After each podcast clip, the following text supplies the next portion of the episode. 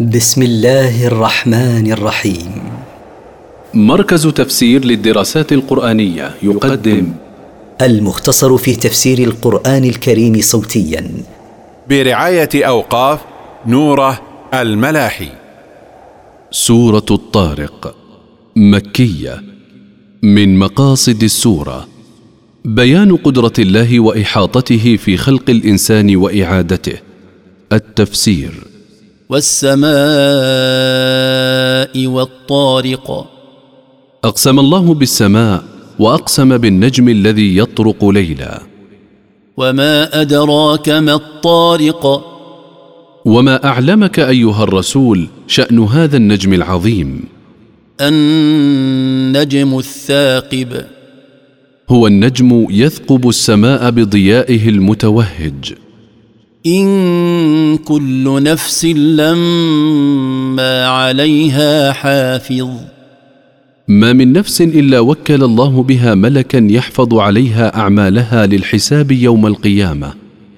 فلينظر الإنسان مما خلق. فليتأمل الإنسان مما خلقه الله لتتضح له قدرة الله وعجز الإنسان. خلق من ماء دافق. خلقه الله من ماء ذي اندفاق يصب في الرحم. يخرج من بين الصلب والترائب. يخرج هذا الماء من بين العمود العظمي الفقري للرجل وعظام الصدر. إنه على رجعه لقادر.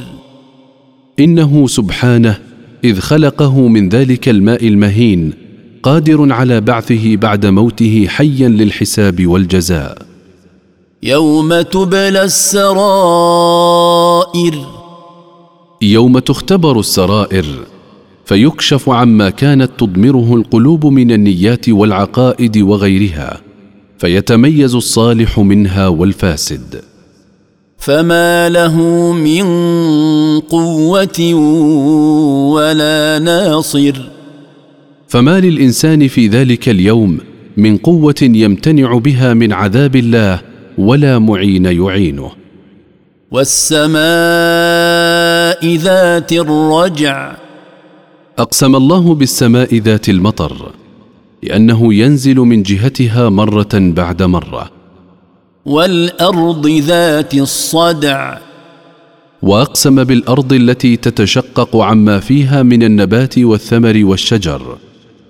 إنه لقول فصل. إن هذا القرآن المنزل على محمد صلى الله عليه وسلم لقول يفصل بين الحق والباطل والصدق والكذب. وما هو بالهزل وليس باللعب والباطل بل هو الجد والحق. انهم يكيدون كيدا ان المكذبين بما جاءهم رسولهم يكيدون كيدا كثيرا ليردوا دعوته ويبطلوها.